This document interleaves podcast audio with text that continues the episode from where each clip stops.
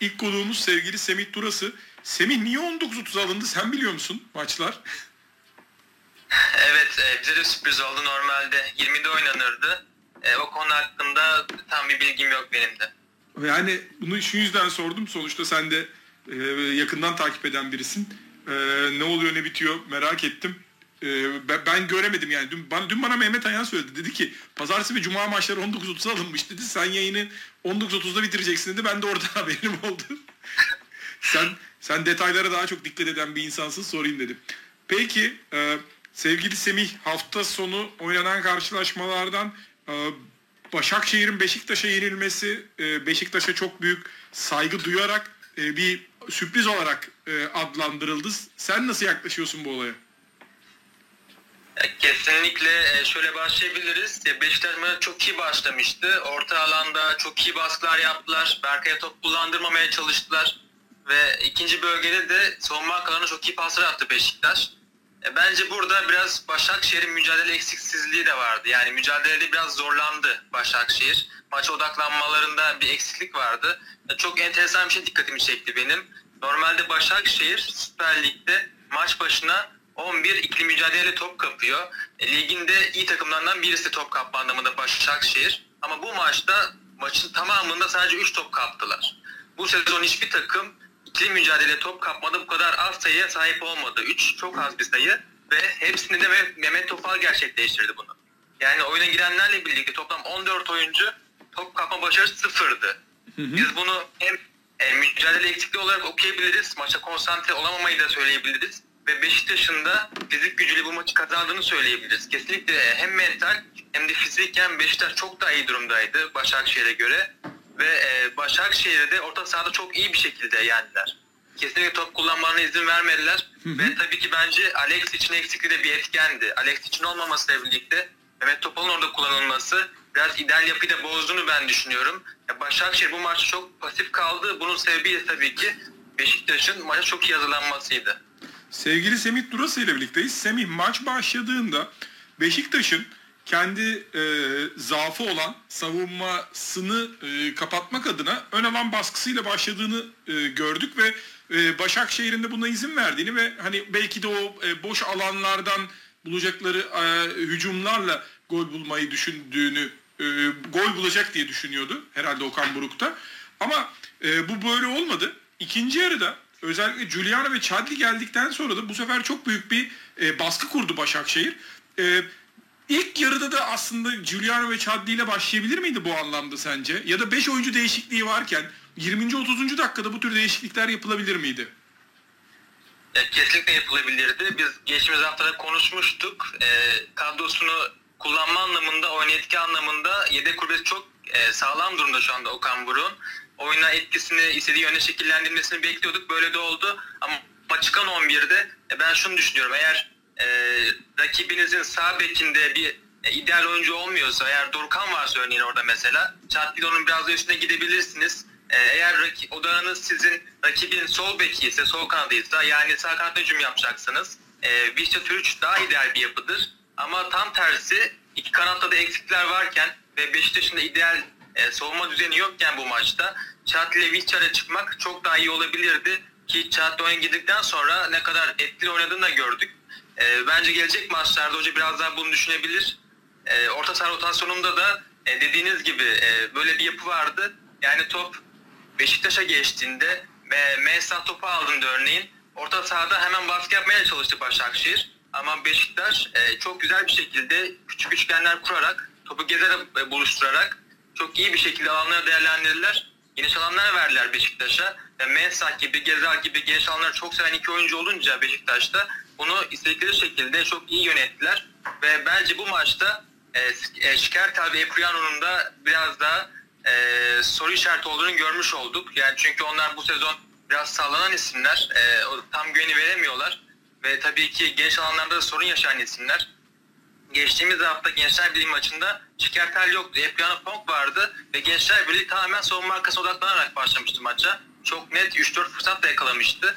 Bu maçta da yine e, Şikertel'in Abubakar'ı kaçırdığı pozisyon var. E, Volkan Babacan'ın son anda kurtardığı ve devamında da kornerden gol de gelmişti. Hı hı. E, Epriano da pek çok pozisyonda adamlarını e, eşleşmelerde kaçırdı. E, tam anlamıyla geniş alanları kullanma maçı oldu. Ya Başakşehir'in biraz da savunma zaaflarını sürdüğünü söyleyebiliriz.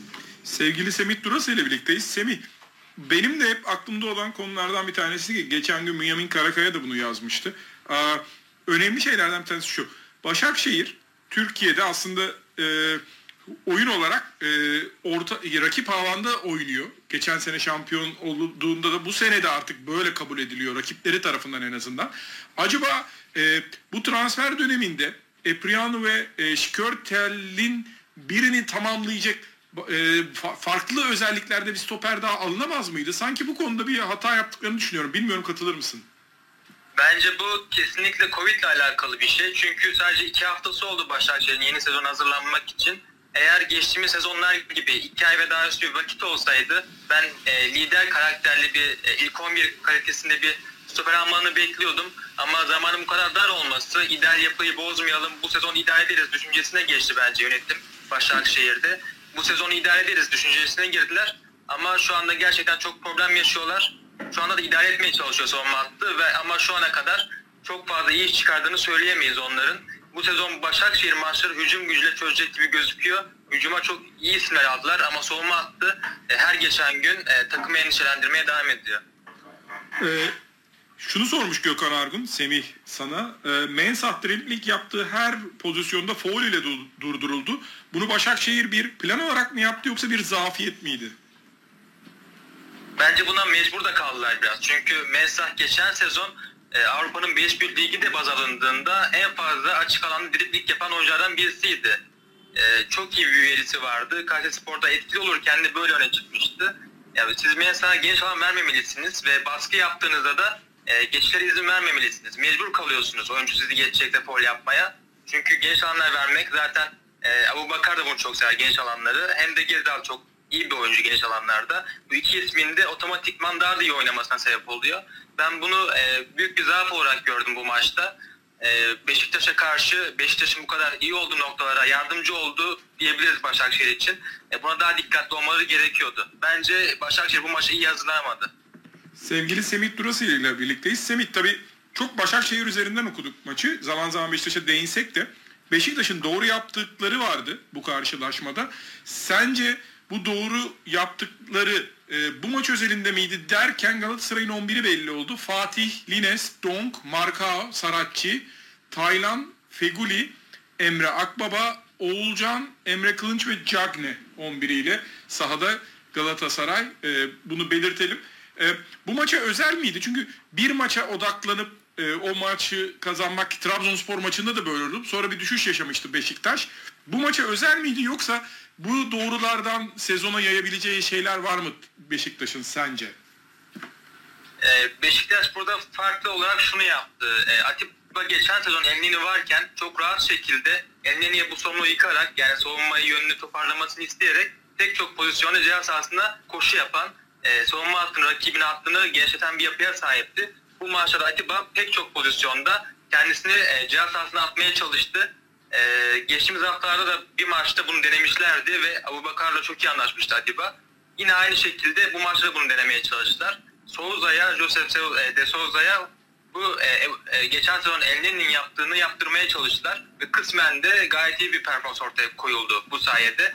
İdeal altılısını, öndeki altılıyı bulmuş gibi duruyor Beşiktaş ama rakibinizin de genç alan vermesi gerekiyor. Beşiktaş'ın bu kadar üretken olması için hem Başakşehir hem de Fenerbahçe gelecek hafta bunu verebilecek takımlar. Bu yüzden öndeki altının e, sabit kalıp kısa sürede devam etmesi önemli. Defans hattındaysa e, şu anda Wellington'un olmaması, eksiklerden dolayı böyle bir dörtlünün olması, e, Rıdvan'ın, Montero'nun, Necip ve Doğukan, Dorukan'ın olması dörtlü olarak savunmada e, bir karar vermesi gerekiyor Sergen Yalçın'ın. Çünkü Wellington'u ve Ensekala'yı çok beğeniyor hoca. Tutan bir isim onları. E, dün de Başakşehir'e karşı neredeyse kusursuz bir oyun çıkarttı geri dörtlü. E, burada bir karar vermesi gerekiyor. Bence bu dörtlüyle Fenerbahçe maçında çıkar, çıkarılabilir. Ama tabii ki e, son kararı hoca verecek. Utku da harika performans ortaya koydu. E, sakat sakat oynadı. Gerçekten de iyi bir oyun ortaya koydu Beşiktaş. Tabii ki Fenerbahçe maçı öncesi birlikte değerlendireceğiz seninle. Cuma günü büyük bir ihtimalle değerlendiririz. Sevgili Semih, e, senin Twitter hesabındaki detaylar üzerine harika bir Twitter hesabıydı. Semih Durası'yı takip etmenizi ben herkese öneririm. E, Alanya Antalya maçı üzerinden de e, şeylerim var, analizlerim var. Özellikle de Alanya'nın ve e, o pas oranlarının. Bunlardan da bahseder misin rica etsem? Şu anda Alanya Spor e, bu sezon yeni bir şey deniyor. Geçen sezon Erol Bulut'la birlikte Alanya Spor Lig'in en az sayıda pas yapıp en fazla sayıda şut çeken takımıydı. Yani az pas yapıp en fazla şut çeken takımıydı Alanya Spor. Topa sahipken de üretmekte zorlanan bir yapısı vardı.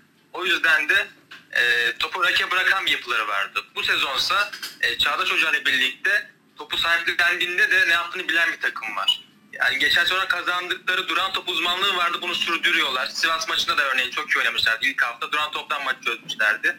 Bunu sürdürüyorlar ve top rakipteyken de o öndeki baskıları çok iyi yapıp e, topu kapar kapmaz hücumlarda yetkinliklerini sürdürüyorlar. Bunu da kazanmışlardı ve kaybetmediler. Bu sezonda topa sahipken oyunu yönlendirme becerini e, geliştirmiş oldular. Bunu elde ettiler.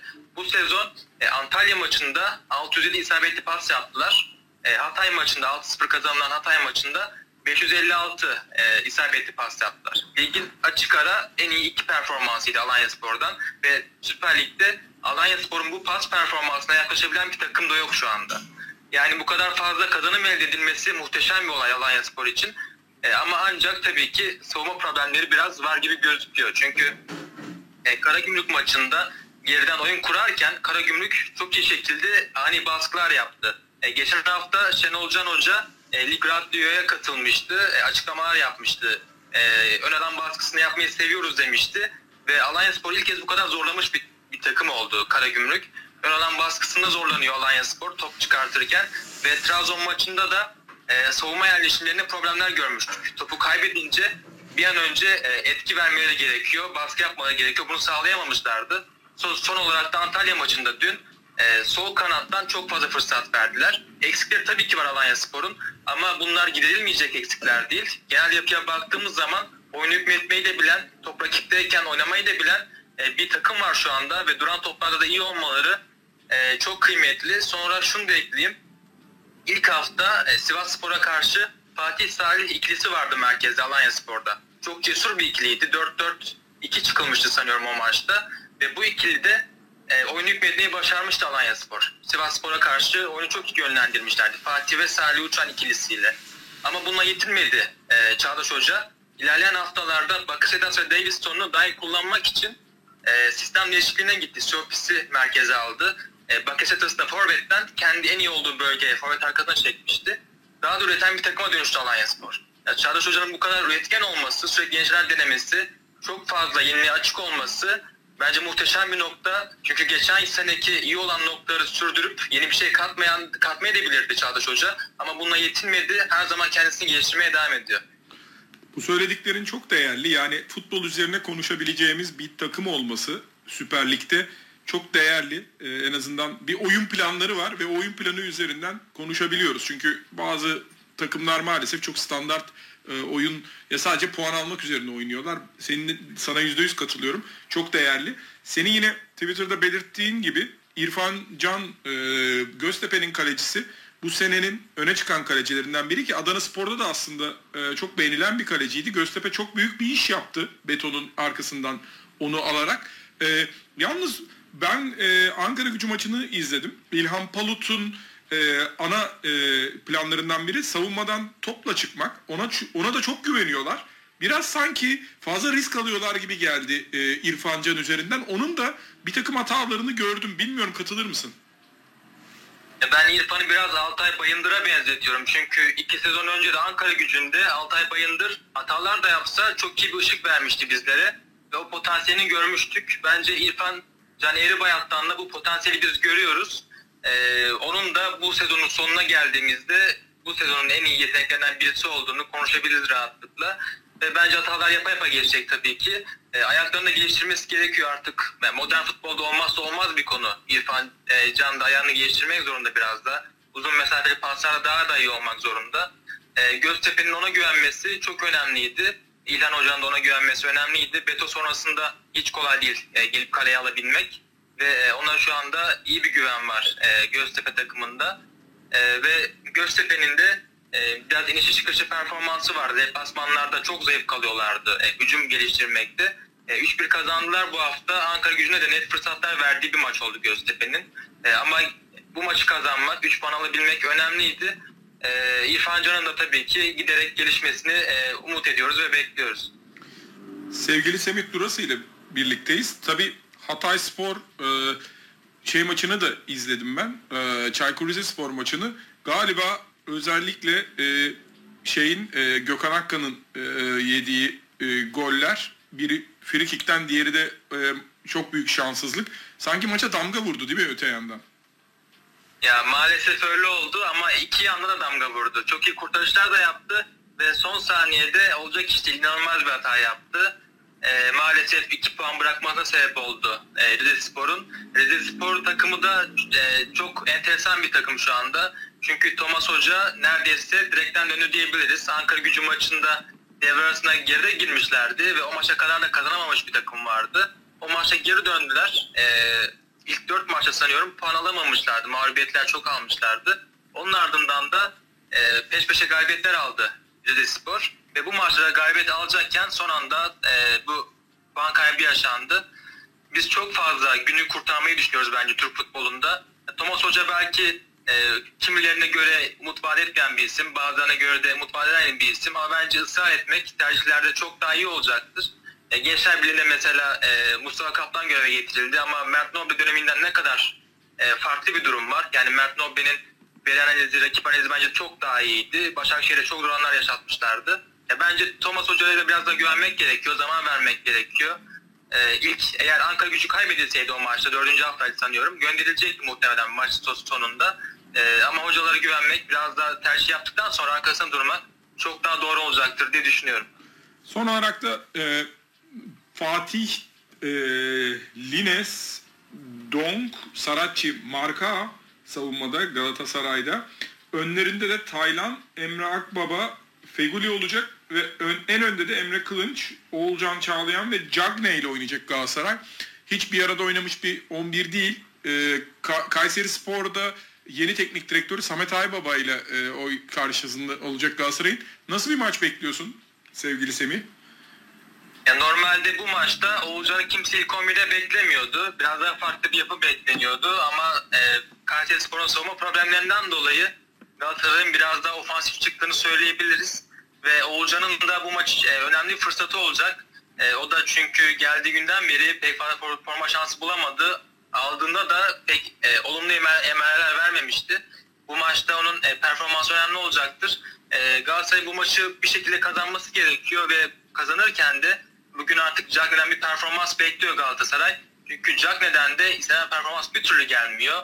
E, ve son zamanlarda da mecburen Babel'in oynatıldığı bir sistem de vardı forvet hattında. Artık Cagne'den bir performans görmek gerekiyor Galatasaray'da. E, Falcao da bu kadar fazla e, sakatlık sorunu yaşarken. E, Galatasaray bu maçta bir adım daha önde gözüküyor tabii ki. Kayseri Spor'da da şu anda pek e, iyi bir durum yok. Çok fazla e, problem yaşadılar. Bu maçta Henrique de oynayamayacak. E, Kayseri Spor'un en önemli hücum e, silahı Henrique. E, bu anlamda da biraz daha problemli bir yapı görebiliriz Kayseri Spor'da. Galatasaray'da e, önceki maçlarda Sivas Spor maçına kadar rakiplerin zaaflarından yararlanan bir takım vardı. E, Ankara gücü maçında e, sol kanattan çok hücum yapmışlardı. Çünkü Ankara gücü bir önceki maç Rize Spor maçında 5 gol görmüştü ve o kanattan çok açık vermişti. Ve e, sonraki maçlarda Sivas Spor maçında merkezden muhteşem bir giriş yapan Galatasaray görmüştük. İnce pasları e, çok iyi yapan bir takım vardı. Bu maçta da biraz daha buna yönelecek gibi gözüküyor Galatasaray. Tabii ki milyardan nasıl dönecekler? En büyük soru işareti bu olacak onlar hakkında. Çok teşekkür ederim. Ağzına sağlık. Ben teşekkür ederim abi. İyi yayınlar. Sevgili Semih'e bir kez daha teşekkür ederiz. Ee,